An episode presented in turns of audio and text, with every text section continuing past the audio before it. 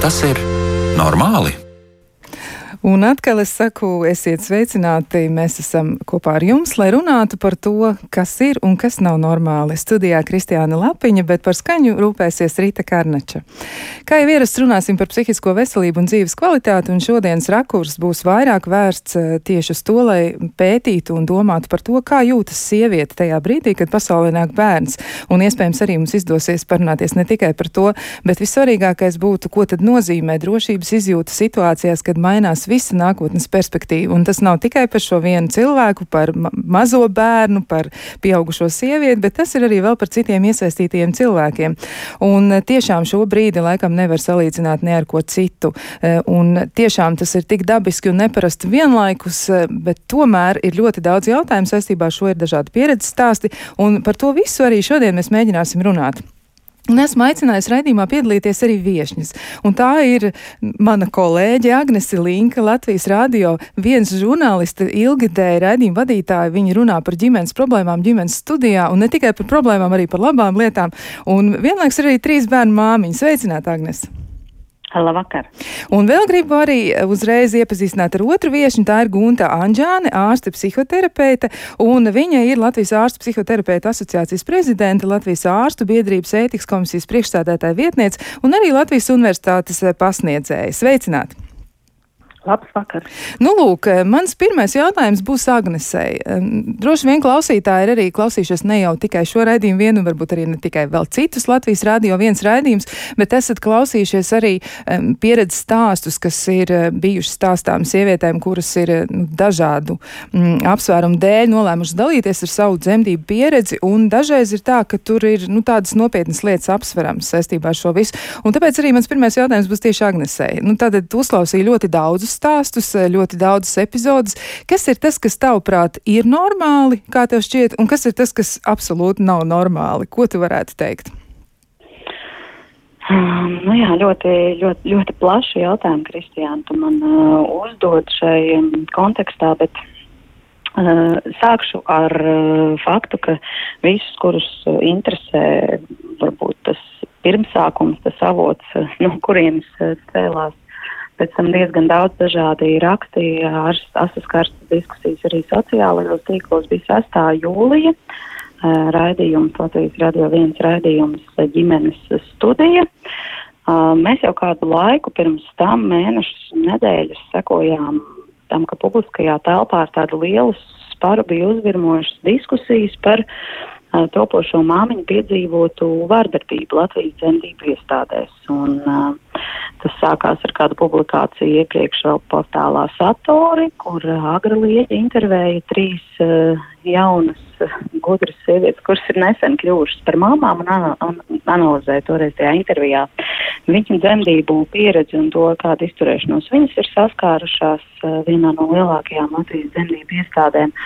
Un tad pēc tam arī sociālajos tīklos visu laiku turpinoties tai diskusijai un tiem pieredzes stāstiem, mēs tomēr ģimenes studijā sapratām, ka par to uh, ir jārunā un, uh, un aicinājām savus uh, klausītājus un mūsu sociālo tīklu kontu sekotājus dalīties uh, pieredzē.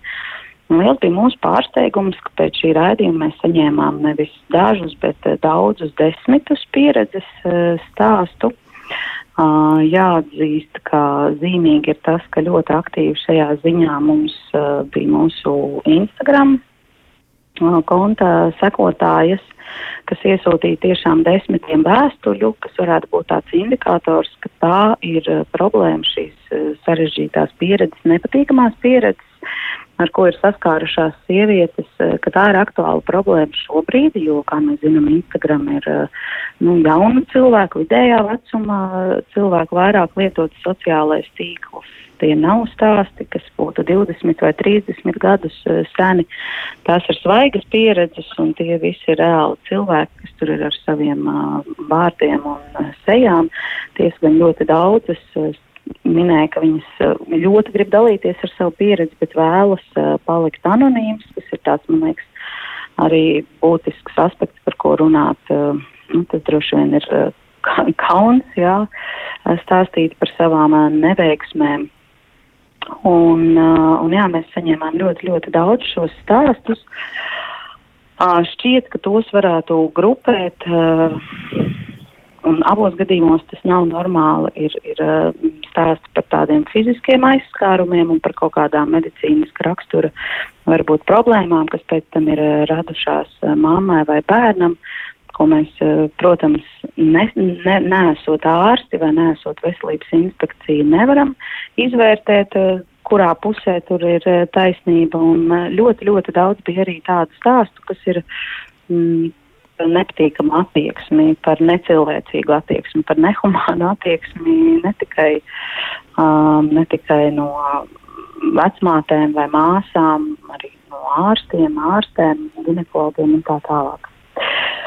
Um, tā kā rezumējot, varbūt uh, atbildi uz tavu pirmo jautājumu varētu būt eh, tāda, ka ļoti, ļoti daudz to problēmu ir, un tad, mm, attiecīgi, mani, kas man mal nešķita normāli pārsteidz arī tas, ka uzreiz uh, bija tāda diezgan aktīva pretdarbība arī, uh, jo ļoti mm, daudz arī mediķu vidē, un negribu reklamēt, bet arī kāds televīzijas rādījums vesels tika veltīts tam, cik uh, laba un bez problēmām ir, ir saskarsme starp ārstiem un pacientiem, starp medpersonālu un pacientiem Latvijas dzemdību iestādēs. Nu, tāds mēģinājums mm, tā drusciņi sadot pa muti tiem, kuri atļaujas kaut ko runāt, un, un tas man arī šķiet nav normāli. Tas bija, tas bija tā ļoti nepatīkami. Jā, pēc raidījuma arī mēs saņēmām pēc vēstules un komentārus, nu, ka pārsteidzoši ir tas, jā, ka arī no, no varbūt tajā reizē klātesošo un raidījumā uzaicināto medicīnas iestāžu pārstāvi puses bija tāda nevēlēšanās vispār atzīt, ka tāda problēma Latvijā varētu uh, pastāvēt. Un, jā, nu vēl tāda indikācija, kas varbūt nav normāli, ka mēs no veselības inspekcijas ieguvām datus par to, ka ir 160 iesniegumi pagājušā gada laikā par, uh, par dzemdībām Latvijā par kaut kādām problēmām dzemdību iestādēs Latvijā no pacientiem uh, saņemti. Viens laikam uz to brīdi, uz 6. jūliju, vēl bija izskatīšanā, bet 159 gadījumos veselības inspekcija nekādus pārkāpumus uh, nebija konstatējusi, kas arī iespējams ir rādītājs. Kristiāna? Jā, nu tas varētu arī būt zināmā pretrunā ar to, ko stāsta jaunās mātes, kuras ir laidušas pasaulē bērnus un piedzīvojušas tiešām diezgan tādu negatīvu attieksmi. Tur arī ļoti daudz dažādu, dažādu epizodu, par ko viņas runā. Starp citu, ļoti interesanti, manuprāt, un nu, par to arī mēs varētu parunāt, ka Pasaules veselības organizācija tikai 2018. gada februārī ir pieņēmusi jaunas vadlīnijas par pozitīvu dzemdību pieredzi, un tajās arī ir uzsvērts un atzīts, ka mūsdienu medicīna mm, nu, ir iemācījusies ierosināt, veicināt, pātrināt, kontrolēt dzemdības un sniegt sievietēm bērnam medicīnisku atbalstu, bet diezgan maz uzmanības ir pievērsts tam, kā sieviete jūtas. E, nu, te nu būtu vietā jautāt arī Guntai Anžānai, sakiet, kā jūs nu, lūkojaties vispār uz dzemdību brīdi un uz dzemdību procesu, nu, jo tiešām tas ir unikāls notikums. Nu, tas ir kaut kas tāds, kas pat tad, ja tas notiek atkārtot, un tas ir otrais vai trešais bērniņš, kurš dzimst, tas tomēr ir atkal to vienīgo reizi. E, ko jūs varētu teikt, kā vispār dzemdības varētu raksturot kā procesu, kā notikumu? Nu, varu piekrist, ka dzemdības tiešām ir uh, līdz mūsdienām saglabājušas to brīnuma efektu, jo process, kura rezultātā piedzimst bērniņš, cilvēks, ir tiešām brīnumains, jo uh, līdz tam uh, neredzot, nekontrolējot nezinot, dzirdot tikai sirds pulkstus vai skatoties ultrasonogrāfiskās bildītes, un pēkšņi tur, tur ir rokā maza cilvēciņa, kurš ir tavs, kurš ir tavs mīlestības augurs, un, un tā, tā laimes sajūta un visi tie pārdzīvojumi tajā mirklī uh, dzēšās, tā skaitā sāpes, un, un, un jaunie vecāki un māmiņas ir laimīgi, tā skaitā arī bērni bet uh, klausoties uh, Agneses uh, stāstīto, man ir uh, patiesa skumja, bet vienlaicīgi arī rosina uz pārdomām par to uh, konfrontāciju starp ārstiem, uh, veselības aprūpas darbiniekiem un, un, un sociumu vai māmiņām. Jo uh, droši vien, ka tā patiesība ir kaut kur pa vidu. Un ja no 157 uh, sūdzībām vai iesniegumiem. Veselības inspekcija uh, sniedz atbildi, ka tīri metodoloģiski un uh, medicīniski nav mm, atrastas kļūdas, bet savukārt šie, uh, šie iesniegumi ir, tas tiek domāts tieši, tas tiek domāts tiešām par katras konkrētas mammas uh, gaidām un šīm nepiepildītām gaidām, ko viņa būtu gribējusi saņemt tajā skaistajā brīdī, kad viņa laiž pasaulē bērniņu. Un uh, nevar noliegt, ka mūsu sabiedrība ir narcistiska, ir ekstibionisistiska uz izrādīšanos ar visiem sociālo tīklu atrādīšanai un ļoti daudz informācijas. Līdz ar to katra māmiņa no sirds nu, un, un cik jau nu spēj to visu iedomāties un, un, un, un iztēloties, veido kaut kādu priekšstatu par to, kā tas notiks. Un mēs, ja mēs sapņojam un domājam, mēs zināmā veidā jebkuru procesu vairāk vai mazāk idealizējam. Līdz ar to katra situācija, kura nesakrīt ar tām mūsu gaidām, psihei ir kā trauma. Tātad mēs to pārdzīvojam, uh, mēs par to domājam, un mums tiešām ir šīs, uh, šīs domas un sajūtas, uh, kad, kad kaut kādas manas robežas ir pārkāptas. Nu, mēs nezinām tīri precīzi, mēs nevaram runāt, tad ir, tad ir jāceļ katrs gadījums atsevišķi uh, augšā no abām pusēm, jānoklausās tie viedokļi, lai tiešām spētu uh, izvērtēt, eh, nu, cik lielā mērā tas ir, bet noliegt to, ka tieši, nu, ka nav šīs attieksmes, uh, nu, ka šī attieksme varētu būt uzlabojama vai labāka. Nu, es domāju, ka tieši tā arī ir, jo darbinieki strādā, uh, dara savu darbu, viņiem tas ir rutīnas darbs, bet katra māmiņa šo procesu viennozīmīgi uztver kā viņas īpašo, individuālo, personisko un ar savām gaidām un ar savām cerībām. Jā, skaidrs. E, nu, tūliņ arī es uzdošu nākamo jautājumu, bet man ir mazliet, varbūt arī iespēja pakuriģēt nedaudz skaņu. Šķiet, ka ir kaut kas, kas atbalstos. Varbūt jūs varat e, kaut ko mainīt e, saistībā ar telefonu. Vai jums ir austiņas šobrīd, vai arī kā citādi? Mm, ir, ir, Nē, tur ja? jau. Ā, nu tad, tad varbūt, ka tur ir kaut kas ar sakariem. Nu, mēģināsim tomēr iet uz priekšu, neskatoties uz to, ka sakari varbūt nav ideāli, bet tas jau nav mhm. pats nozīmīgākais, kas pasaulē var notikt. Te vēl viens jautājums arī man būs uzreiz um, Agnesei. Vai ir kaut kas tāds, kas ir savā ziņā atspoguļojies tajā, eh, ko tu dzirdēji no šīm te jaunajām mātēm? Jo, nu, es atradu arī veselu sarakstu par to, kas veicina pozitīvu dzemdību pieredzi, un te ir um, Un tiešām uzskaitīt ļoti daudz dažādu punktu, piemēram, emocionālais atbalsts no sievietes brīvi izvēlēta dzemdību pavadoņa, efektīva komunikācija no mediķu puses, sāpju atvieglošanas stratēģijas, regulāra dzemdību novērošana, dokumentēšana, atgriezeniskās saites sniegšana, kustību brīvība dzemdību gaitā.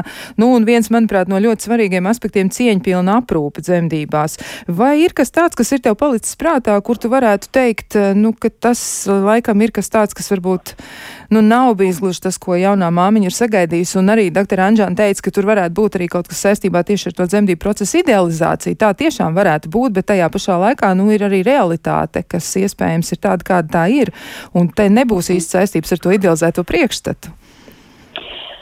Nē, es uh, vispirms uh, tieši par to arī vēlētos papildināt un uh, piebilst, ka man radās strādājot pie šī temata un, un, un pēc tam arī pēc raidījuma vēl turpinot par to domāt, lasīt, saņemt ziņas un intervēt mammas, ka ļoti daudz, kas tiek bieži izskaidrots un tieši no mediķu puses varbūt tas cieņpilnās attieksmes trūkums tiek attaisnots ar tādu nu, pieņēmumu vai tēzi, ka tas sievietes dzemdību brīdī viņas ir neadekvātas, vai arī viņas iedomājušās, ka būs pastaiga puķu pļavā, un mēs jau darām visu, kā vajag, bet nu, viņas jau pašas nesaprot, vai arī ir pārāk emocionāli satrauktas, un tad viņām liekas, ka pret viņām nejauki izturās, bet, nu, piemēram, tādi, mm, tādi stāsti, ka vecmāte, piemēram, uz dzemdētājas lūgumu veikt kaut ko citā pozā, pēkšņi saka,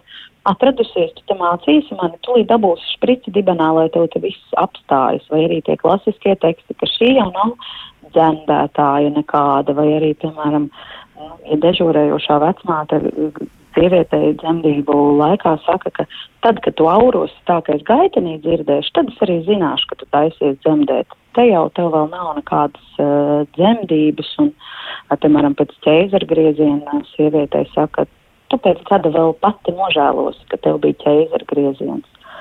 Un šādi un tam līdzīgi stāsti, jā, nu tas ir, tas ir, es domāju, attieksmes uh, jautājums, Un, uh, tik tiešām mēs mm, nevaram izvērtēt tās situācijas, kur sieviete saka, ka uh, viņai ir uh, sists uh, pa vēderu vai viņai ir gul, nu, mediķi gulušies, lai palīdzētu bērniņam piedzimt un, un uh, spieduši ar rokām, ar elkoņiem to bērnu no viņas uh, ārā, bet ārsti saka, nu, ka tā, tā nemaz nav, tur tikai tika, nezinu, dzemdas augšdaļa pieturēta, to mēs nevaram izvēr, izvērtēt. Un, tieši tāpat kā, tieši kā, kā, kā dr. Anžāna teica, bet, nu, tomēr šķiet uh, dīvaini, ka desmitiem sieviešu mūsdienu 21. gadsimta Latvijā kā sazvērējušās sadomātu šādus stāstus par uh, attieksmi.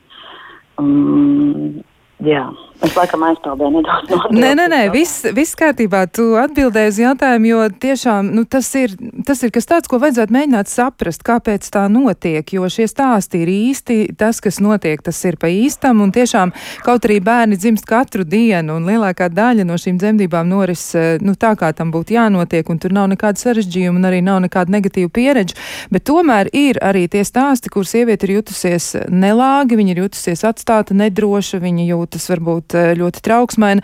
Un eh, es atkal gribu uzdot jautājumu Guntai Anģānai, kā jums liekas, nu, kas ir tā lielākā problēma tieši varbūt tajā attieksmes veidošanas ziņā, ar ko tas varētu būt saistīts, ka tie cilvēki, kuriem būtu jābūt atbalstam, ka viņi īsti nespēja to dažreiz izdarīt. Kas varētu būt pamatā tam, ka viņi izturas, nu, citreiz tiešām negluži cieņpilni, vai arī, nu, ir jādzird šādas frāzes, ja, kuras iepriekš minēja Agnes, nu, jaunā māmiņa dzird kaut ko tādu, tas varētu būt tiešām diezgan traumējuši. Kā jūs izskaidrot, Kā, kā tas vispār varētu notikt? Uh, no acīm redzot, te ir uh, varbūt ne tikai tīri specifiski dzemdības, bet jebkura cilvēka uh, garastāvoklis, noskaņojums, uh, inteliģence, ne tikai prāta, intelekta, bet arī emocionālā inteliģence, kuru mēs ikdienā sagaidam no, no sarunu vai, vai, vai darbības partnera cieņpilnu ar taktu, ar morāli, ar empātiju, ar toleranci. Un uh, kas to visu padara par, par um, traucēku, tas, ka mūsos pašos ir acīm redzot kaut kāda veida vai situācijas bāžas, uh, trauksme, depresija, uh, kaut kādas domas par eksistenciālām lietām vai vai izdzīvošu, vai varēšu, vai, no, vai, vai nopirkšu, vai, vai nu, tādas sadzīviskas lietas. Un es domāju, ka viens no faktoriem ir arī uh, ilgais Covid laiks uh, un šī brīža kara situācija, kas katrā individā noteikti paaugstina uh, baiļu sajūtu, nedrošības sajūtu un paceļ augšā zināma veida agresivitāti kā tādu, kā aizsardzību.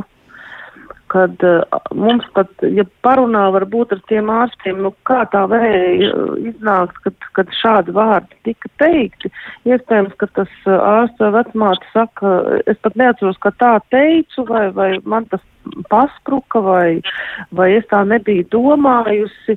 Uh, iespējams, ka tā arī būtu, jo tā iekšējā bāža gan par sevi, savu ģimeni un savām lietām, kontekstā ar to, kas notiek apkārt šī baiļu sajūta, viņa zināmā veidā izsauc uh, aizsardzības. Un viena no tām aizsardzībām ir, nu, gribās salīdzināt ar, ar dzīvnieku pasauli, kad suns vai kaķis ir novies, viņš arī ir rūts vai šņāts. Ja? Tā kā tas nav varbūt tik viennozīmīgi un tik uh, vienkārši. Uh, es negribētu, uh, es, man nav iemeslu neticēt šīm, šiem, šīm stāstiem un šīm stūdzībām. Tā pašā laikā es negribētu ticēt, ka kolēģi apzināti uh, uh, savā darbā pieļauj tik rupjas uh, komunikācijas un saskarsmes kļūdas. Mācīm redzot, kaut kas šai lietā ir, ir vairāk jāpapēta un ar to ir, ir jādara kaut kas. Jā. Ignorēšana jau neatrisina absolūti nekādu lietu. Jā, jā, ir tā, ka ir arī tādi pētījumi veikti par personāla un uh, aprūpējumu cilvēku attieksmi, arī veco ļaužu aprūpas namos un arī bērnu namos, un ir secināts, ka diezgan lielu problēmu būtībā rada izdegšana un arī tāda pastāvīga spriedzes klātbūtne, un arī tas, ka tas cilvēks, kurš ir jāaprūpē, zināmā mērā viņš ir gandrīz vai tā kā tādā upura lomā. E, kā jums liekas, Anžāns e, kundze, vai varētu tā būt arī, ka šis ir viens no faktoriem, kas veicina, nu varbūt reizēm neatbildēt neadekvāta attieksme pret kaut vai šo pašu jauno māmiņu, mm, nu, piemēram, izdegšana. Varbūt tur ir vēl kaut kādi faktori, ne tikai tas. Nu, Viennozīmīgi. Nu, izdegšana tā būtu paša paša darbinieka nu, tāda, tāda nespēja sakoncentrēt savas, savas uh, prasmes vai attieksmi, bet turpat tikpat labi var būt vadoša trauksme, gan, gan garastāvokļa svārstības, gan, zinām, veida depresija vai vienkārši nedrosība, ja, vai kaut kādi jaukti traucējumi vai pārslodzi vai neizgulēšanās. Nu, tur tiešām ir jāskatās droši vien, ka katrs uh, gadījums atsevišķi un arī jāmēģina sameklēt arī tas kopsaucējs, jā, kas tad ir par, kas tad ir tas kopīgais, kas tomēr palaiž tādu mehānismu. Jā, nu viena no uh, kolēģiem arī uh, savā ziņā, kolēģiem Vita Kalniņa, psiholoģa, viņa ir uh, nu, teikusi arī to, ka um, tie cilvēki, kuri izturs neadekvāti, un tostarp arī, piemēram, um, nu, tie cilvēki, kas iesaistās dzemdībās, uh, palīdzības sniegšanā, vai ir tie ārsti, vecmātes, reizēm viņiem pašiem ir traumatiska pieredze saistībā ar viņu pašu piedzimšanu. Uh, Doktor Anžāna, kā jums liekas, vai tas varētu būt arī viens no tādiem iemesliem, kāpēc sieviete, ja viņa pati ir piedzīvojusi ko negatīvu pret viņu, viņu ir izturējušies negatīvi, vai viņas mātē šāda pieredze, ka viņa neviļas pārnest to pieredzi arī uz eh, šīm te attiecībām jau ar jauno māmiņu, ko viņa aprūpē un ar vēl nedzimušo bērnu.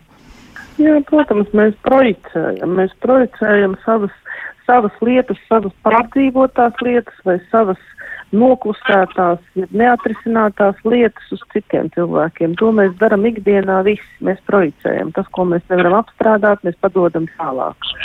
Un droši vien, kad arī var minēt vienu no iemesliem tieši to, ko jūs teicāt, ka tajā brīdī, uh, tajā situācijā mēs nezinām, kas ir tīri personiski katra uh, ārsta vai katra med, med darbinieka personiskajā dzīvē. Un ir jābūt ļoti, ļoti par to jādomā, par to darba ētiku, par to darba morāli, lai mēs nenēsātu savas personiskās uh, lietas līdz uz darbu, īpaši tie cilvēki, kuri, kuri strādā. Uh, nozarēs, nu īpaši jau medicīnā uh, ar cilvēkiem. Tur tās lietiņas ir jāatstāj aiz durvīm. Un te es gribētu teikt, lai, lai tu varētu uh, simtprocentīgi uh, nodoties gan emocionāli, gan intelektuāli savam darbam, ir jāsakārto pašam uh, savas lietas, uh, respektīvi psiholoģiskā un emocionālais fons un veselība. Tas nozīmē, ka arī pašiem aprūpētājiem vai atbalsts sniedzējiem viņiem arī būtu nepieciešama tomēr šī psihoterapeita konsultācija vai varbūt eh, nu, vēl kaut kas, kas viņiem ļautu justies nu, labāk. Es domāju, tas tikai būtu tikai un vienīgi plus, ja, ja ārstniecības iestāde rastu tādu iespēju, kad eh, šajā sadaļā, šajā blokā dzemniecība Uh, un neontoloģija varētu rast tādas komandas, kas strādā ar pašiem palīdzētājiem. Uh, Ja, jo tas ir mūsu pašu re resurs, tas nav tas, ko tu esi iemācījies un atceries. Tās ir lietas, kuras ir eh, cieši saistītas ar personisko, tavu psihi, tavu jūtu pasauli, tavām emocijām un tavu prasmi uh, tās vadīt, uh, zināmā veidā arī kontrolēt, izprast un, un pārdzīvot. Jā, nu tas nozīmē, ka tur arī būs diezgan daudz ko vēl darīt, bet eh, man vēl ir diezgan daudz jautājumu, ko es vēlēšos uzdot, bet to es visu darīšu pēc ļoti īsa brīža.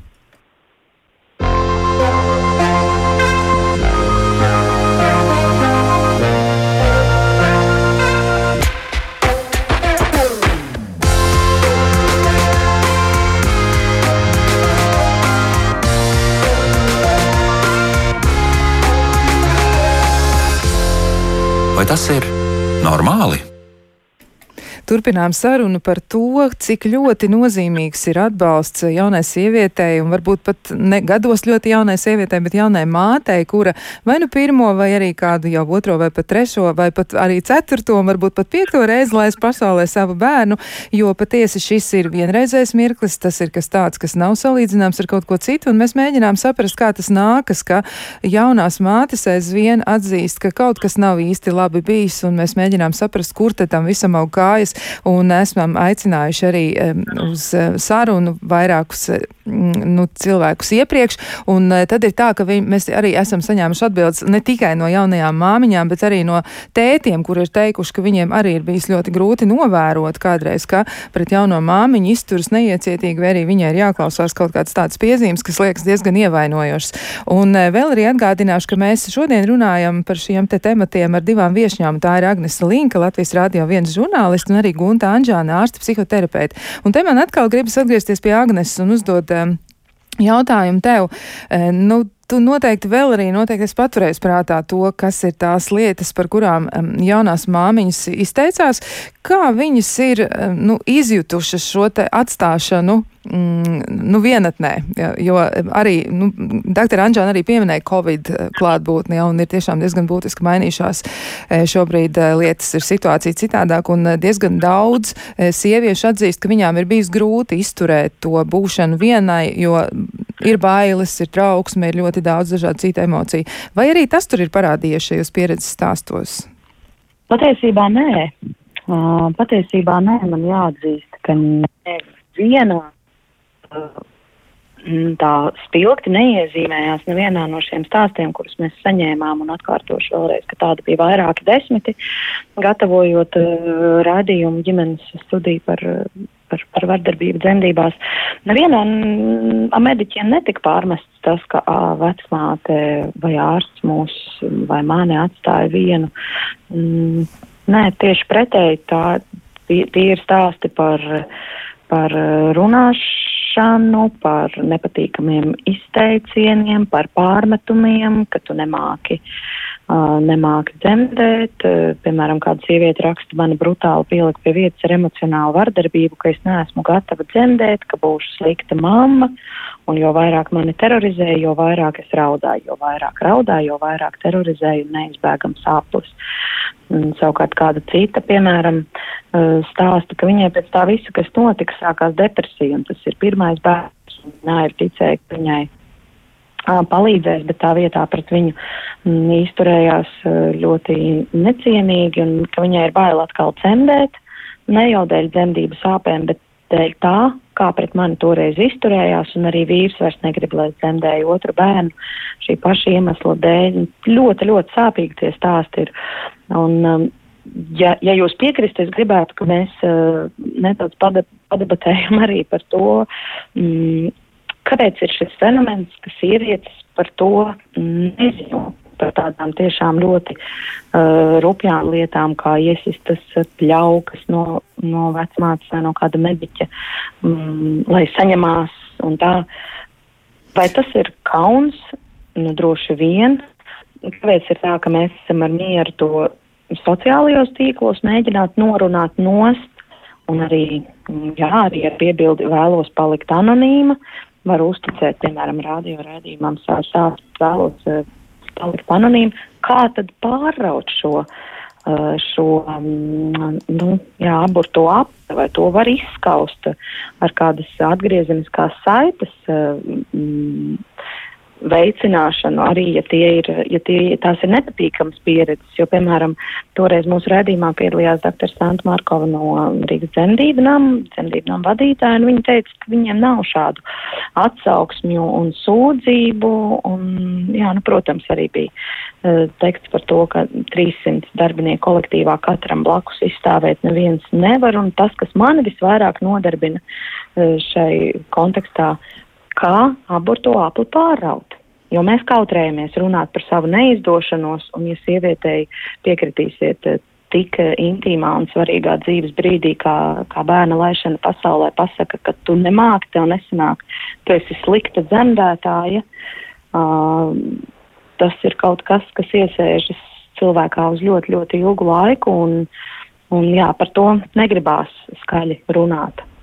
Jā, tas ir tiešām ļoti būtisks jautājums, kā tad pāraut aburto loku, jo šķiet arī, ka ne tikai dzemdētājs, bet vispār cilvēki, kas nonāk arī e, veselības aprūpas iestādēs citās situācijās, reizēm viņi arī jūtas ļoti, ļoti nedroši. Viņi nav bieži vien spējīgi runāt par to, ko viņi ir piedzīvojuši, jo pret viņiem arī reizēm ir bijusi vērsta negatīva attieksme, viņi ir saņēmuši varbūt negluži cieņpilnu e, attieksmi vai, vai izturēšanos pret sevi, un viņi nav par to nekad neko teikuši. Un jo vairāk, ja mēs atgriežamies pie dzemdību pieredzes, Nu, te jautāsim tad arī doktorai Anžānai, kā jūs raugāties uz šo, jo tas tiešām ir intīms brīdis. Tas ir kaut kas tik ļoti, ļoti, eh, nu, tik ļoti privāts, ka laikam tiešām nu, nav analoģiskas situācijas. Ir ļoti grūti atrast kaut ko vēl, ko mēs varētu salīdzināt ar dzemdību pieredzi. Tas ir kaut kas tiešām nu, nu, absolūti vienreizējs. Kā jūs varētu mm, nu, mēģināt varbūt iezīmēt eh, šo Agneses uzdotu arī jautājumu, kā varētu mēģināt uz to atbildēt, kā pāraut aburto loku, lai sievietes, kuras piedzīvo šādu veidu negatīvu attieksmi pret sevi vai vardarbīgu attieksmi pret sevi, lai viņas tomēr runā par to un lai varbūt sabiedrība maina viedokli par to, kā izturēties pret dzemdībām. Jo var jau būt arī, ka sabiedrība noraida to. Nu kā, nu tā taču ir dzemdētājs pieredze, kas mums gar to? Mm -hmm, mm -hmm. Nu, tā pi pirmā doma, kas iešāvās prātā, jau ir atrakstīta un definēta mīli otru tāpat kā sevi pašu. ja? uh, vai uh, iztēlojoties to, ka katra vecmāte vai ginekologs vai medmāsa uz katru pacientu raugās kā uz savējo. Jo nav jau nevienam noslēpums, ka pret savējiem mēs izturamies mazliet, mazliet iejūtīgāk tādos brīžos, kad, kad ir grūti, kad ir sāpīgi. Uh, tīri profesionāli es noteikti liecos domāt par to, ka uh, katrā uh, iestādē nepieciešama ventilācija, ir, ir pat, kā teikt, jau dzirdētas noteikti tādas bālinta grupas, kura pēc profesionālās uh, specifikas tiek atrunātas darba, darba process, kā kuram veicās, kā neveicās, kādas ko pamanīja, ko nepamanīja, eh, kas tur notika, ko varēja darīt savādāk, bet nevis ar tādu uh, domu, kā nosodīt vai meklēt vainīgo, bet taisni otrādi, kā palīdzēt uzlabot kopējo to efektivitāti un kvalitāti. Un uh, runājot par māmiņām, uh, viennozīmīgi par to, ka māmiņām tas ir, ka tas ir jāstāsta.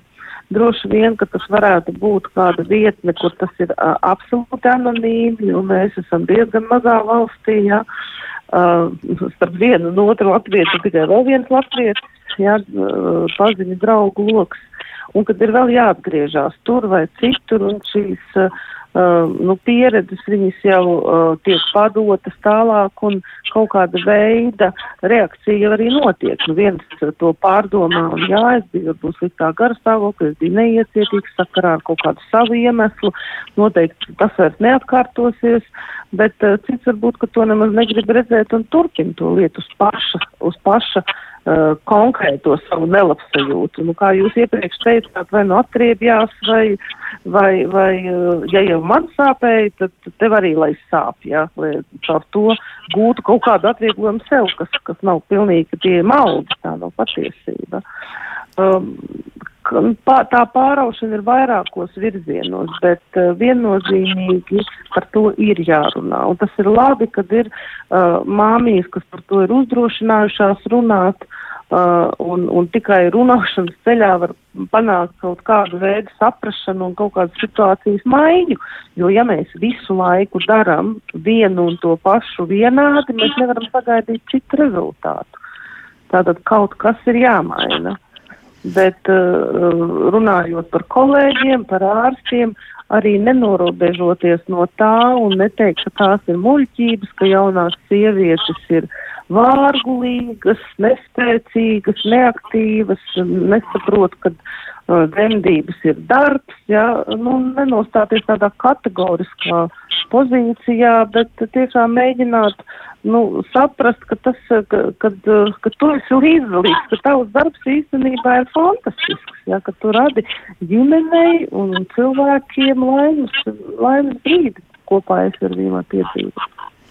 Jā, jā, ja šeit drīkstu iesprāst, Noteikti. iesprāsties. Noteikti, iesprāsties, jā. Ar, piebildi. Mm, es gribu arī pateikt, ka mēs arī ģimenes studijas radošā komanda zināmā mērā saņēmām arī tādu kā kaunināšanu. Pēc tam nedaudz par to, ka mēs eh, runājam par šo.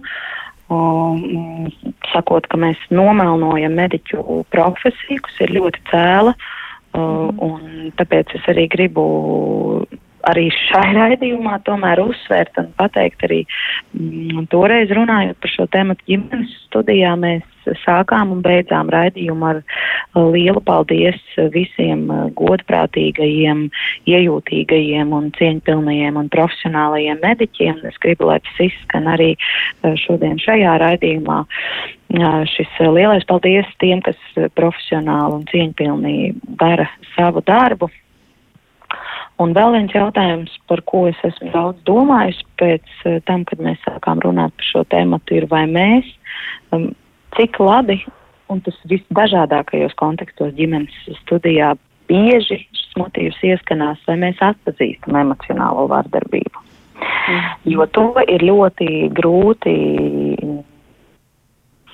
ja grib, droši vien, ka to ļoti viegli var izdarīt, bet, bet mūsu sabiedrībā man šķiet ir ļoti grūti atpazīt emocionālo vardarbību gan eh, ģimenes attiecībās, vecāku bērnu attiecībās, arī, arī, arī eh, skolas vidē starp pedagogiem un bērniem. Un, nu, piemēram, ja ir šāds, kā, kā, kā vienā mūsu tagad atsūtītajā pieredzes stāstā bija teikts, ka uh, sieviete jau Covid laikā dzemdējot spiež ļoti, ļoti dziļi mēģina elpot un ir parāvusi sejas masku zem zoda, jo viņai ir licies, ka viņa ievilks plaušās to masku reizē ar elpu, bet tajā brīdī vecmātei ir pieticis laika atnākt līdz viņai, iesist viņai ar uh, roku pa seju, uzvilkt atpakaļ masku un pateikt, ka tu par daudz atļaujies, ka tā maska stāv zem deguna. Protams, mēs saprotam fiziska vardarbība, jautājums pierādām vai nē, daudz dažādu citu aspektu Bet, e, ja tas ir kaut kas, ko tev e, pasaka, tas mm. varbūt pat sāp vairāk kā pliķis, vai mm. tajā brīdī mēs spējam vienoties, tas bija vardarbīgi no varas pozīcijās esoša cilvēka, no profesionāļa puses pret mani. Mhm. Jā, tas varētu būt par to tiešām, par to attieksmes veidošanu, arī par to, vai mēs tiešām visi eh, nu, šīs lietas saucam vienā, vieno, vienos vārdos, ja, un mēs ar to arī saprotam vienādi to, kas notiek. Varbūt arī dr. Anžāna varētu precizēt par emocionālo vardarbību, jo tiešām tās atpazīšana ir ļoti svarīga lieta, un iespējams tas ir viens no iespējamajiem mm, nu, veidiem, kā pāraut šo aburto loku, lai sievietes vairāk stāstītu par savu pieredzi, un mēs apturētu eh, nu, šo te velšanos no kalnie, kad ir kaut kāda negatīva negatīva pieredze, tā apaug vēl ar kaut ko citu, bet neviens par to nerunā. Tad, ja viņas mhm. spēs to atpazīt, viņas noteikti spēs par to runāt. Varbūt jūs varat arī iedot kādu tādu skaidrojumu, kas ļaut labāk saprast, ko tieši tas nozīmē. Jā, nu kā mēs zinām, ir pieci veidi, emocionālā, fiziskā, uh, seksuālā, psiholoģiskā un pāraprūpe, kas arī ir kā vardarbības veids. Un gribu atgādināt, ka emocionālā vardarbība ir visu pēctecīgo vardarbību uh, komponente. Viņa ir līdz pastāvīga arī visās pārējos gadījumos. Uh, savukārt tā smalkāk runājot par emocionālo vardarbību, jebkura veida pazemojums, noniecinājums, kaunināšana, baidīšana, draudēšana, uh, to, kā otrs cilvēks to uztver, ierindojās sadaļā emocionāla vardarbība. Un vienu teikumu vai vienu frāzi uh, atkarībā no situācijas, no intonācijas, no uh, vārdu salikuma, no, no ķermeņa valodas, no mīmikas. Uh, vienā situācijā viņa var izrādīties kā emocionāla vardarbība, otrā situācijā var būt, ka tam ir kāds audzinošais faktors. Šī ir tik uh, smalka lieta, kad, uh, kad noteikti novilkt tādu treknu uh, svītru pa vidu un teikt, šitas ir un šitas nav, ir diezgan grūti. Uh, jo to, ko izdarīja medmāsa, ja var ticēt šam aprak šim aprakstam, ja, uh, uh, jautājums ir par šo uztveri, ko tā māsa tajā brīdī darīja, kā viņa to, kā viņa to varēja izdarīt un kāpēc viņi to tā darīja, jo uh, tādā brīdī nošlikuša maska no sejas var viņu atlikt atpakaļ vai palūgt to izdarīt vai, vai citādā veidā, kas nerada tādu pārdzīvojumu vai nepaliek atmiņā. Viņa nepaliek atmiņā, un tas nav svarīgākais, kas tajā brīdī ir jādara. Savukārt māte uztvērusi to un sapratusi to šādi. Un tas jau ir arī normāli, ka katrs, kā mums, mēs katrs uztveram pasauli savādāk.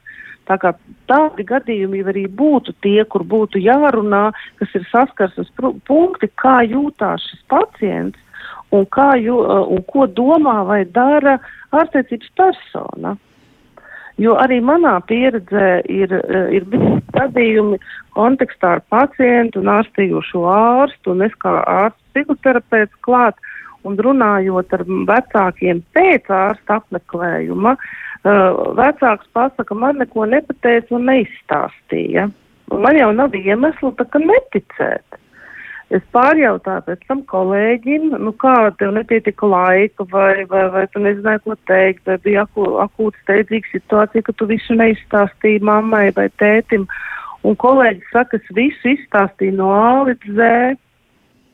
Un ejot atpakaļ pie pacienta, es saprotu, ka viņš ir bijis tik lielā pārdzīvojumā, tik lielā trauksmē, kad uh, viņš ir klausījies, bet neko nav dzirdējis. Līdz ar to rodas nu, tāda, nu, tāda kaut kāda starpa un tāds burbulis un tāda vate pa vidu, kad, uh, kad kur tad ir tā patiesība. Un labi, ka par to runā, labi, ka to dzird. Un kāds trešais, kas ir tā, tā, tāds situācijas vadītājs vai menedžeris, kas, kas spēj šīs abas lietas salikt kopā. Un viens no veidiem, ko mēs šādā gadījumā darījām, kad ārsti uh, turpmāk runājot ar vecākiem, pārprasa, vai jūs sapratāt. Ja man saka, jā, es sapratu, tad sakiet, ko jūs lūdzu sapratāt no tā, ko es jums teicu. Un tad tu beigās saproti, ka viņi tiešām dzirdējusi tikai daļu. Un tad ir jābūt tam laikam, ir jābūt tai pacietībai, stāstīt to visu vēlreiz. Nu, protams, dzemdības ir akūtāks un straujāks process, ja, bet pamatprincips kā tāds ir šī komunikācija savā starpā. Jā, noteikti tas ir ļoti svarīgi un iespējams arī, ka ja tas būtu, nu, tā labāk organizēts vai arī varbūt eh, mediķi ņemtu vērā šo te eh, stāvokli, nu, kā, kurā sieviete atrodas, eh, tad varbūt arī tur būtu mazāk tās nesaprašanās, jo no vienas puses gribas pieņemt, un tā tas arī ir, ka ir notikušas liels pārmaiņas, viņai šobrīd šie sievietei ir jālaiž pasaulē bērns, bet tajā pašā laikā gribētos arī normalizēt to, ka dzemdības kā tādas, ja vien tur nav ļoti būtiski sarežģījumi, tas jau ir dabisks process un pieņemt, ka šī sieviete ir tajā brīdī zaudējusi spēju saprast kaut ko, kas notiek ap viņu, nu, laikam, taču tomēr mēs arī tā nevaram uzskatīt. Nu, varbūt arī Agnesē pie šī ir kas piebilstams, un gal galā tu arī esi trīs bērnu māte, nu, vai te brīdī, kad dzīva tavi bērni, vai tu biji pilnīgi prom no realitātes, kā, kā tev bija? varbūt tu vari padalīties pāris vārdos. Gribētu droši vien tādas fizioloģiskās. Nē, tās varbūt nē, tās nianses atstāsim aiz kadra.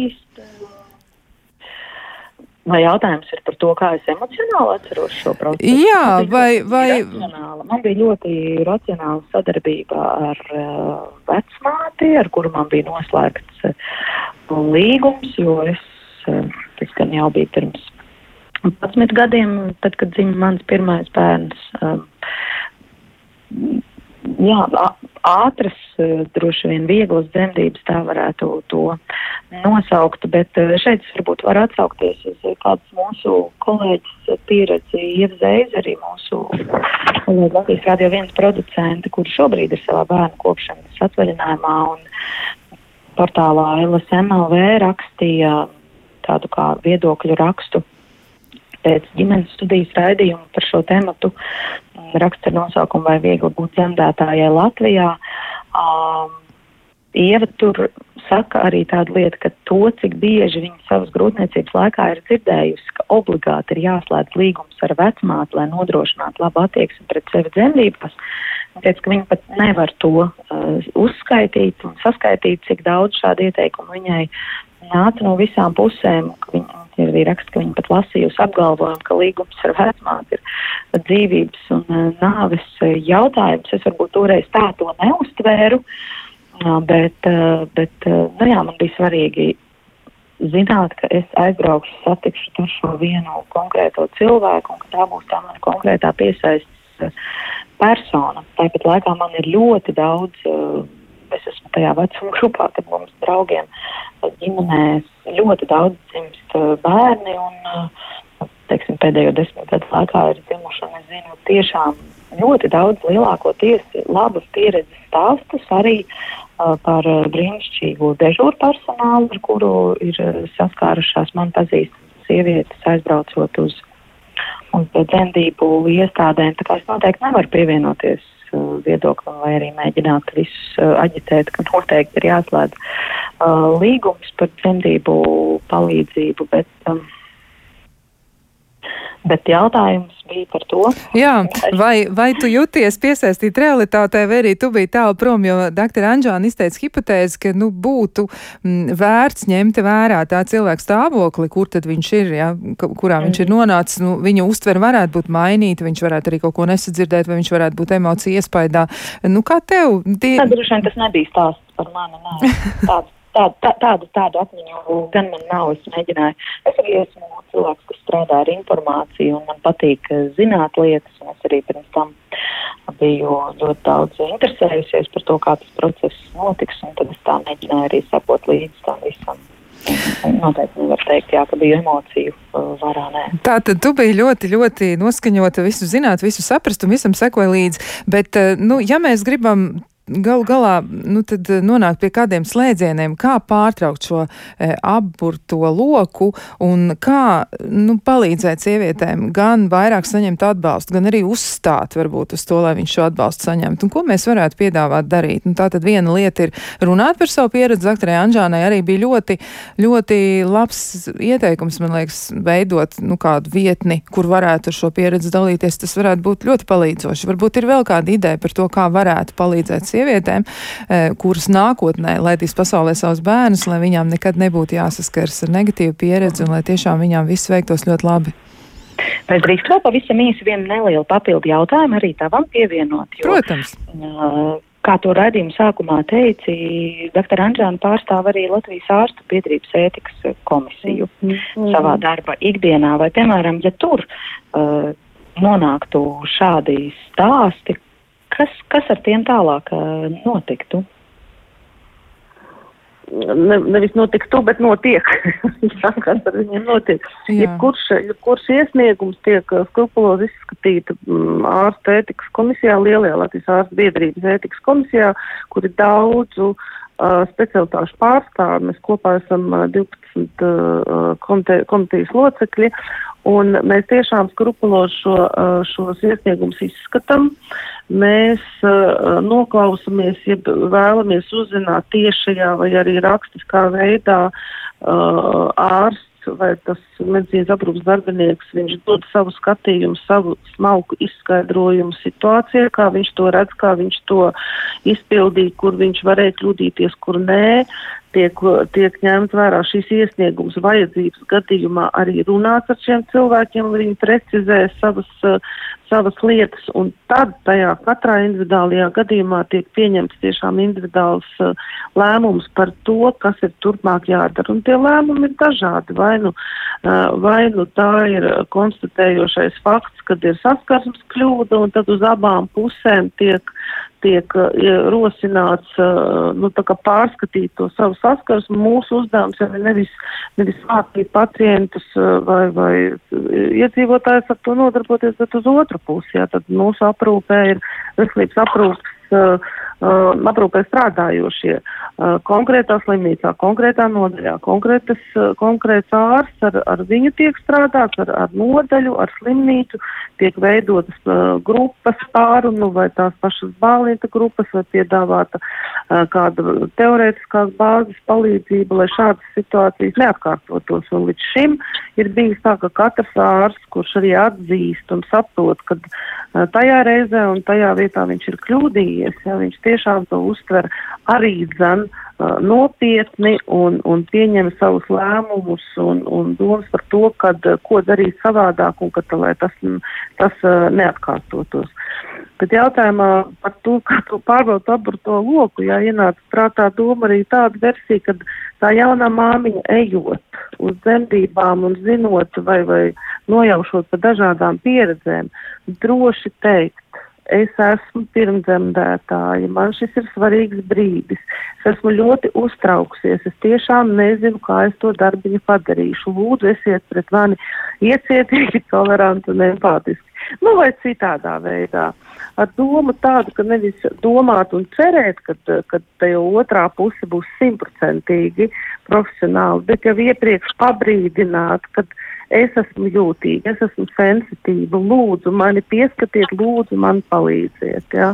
Un varbūt, ka tas arī ir viens no tiem veidiem, ka dažreiz um, nu, uh, tas, kas varbūt ir sliktā gara stāvoklī, tam uh, mainās uztver, un viņš saprot, ka ar šo māmiņu ir, ir, ir jāpiedomā vairāk, un ar viņiem jāiet vairāk palīgā.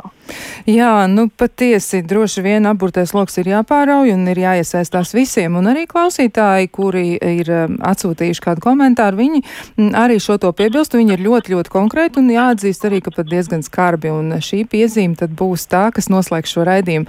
Un uh, viena no klausītājām vai klausītājs varbūt tas ir raksta tā. Diemžēl ik pa brīdim saklaus, ka tiek stiprināts narratīvs par vardarbību dzemdībās kā nepatīkamu vai negatīvu starpgadījumu.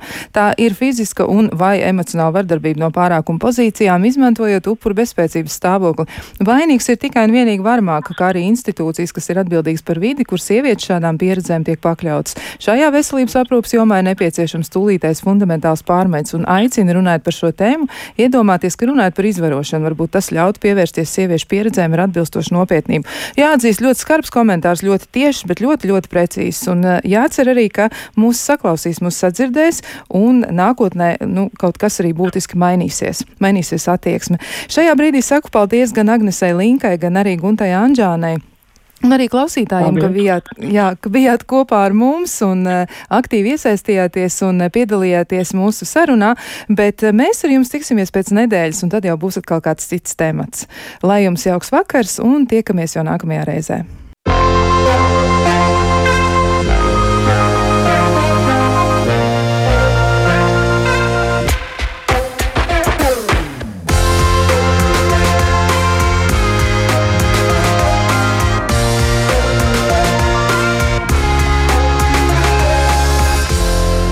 Vai tas ir normāli?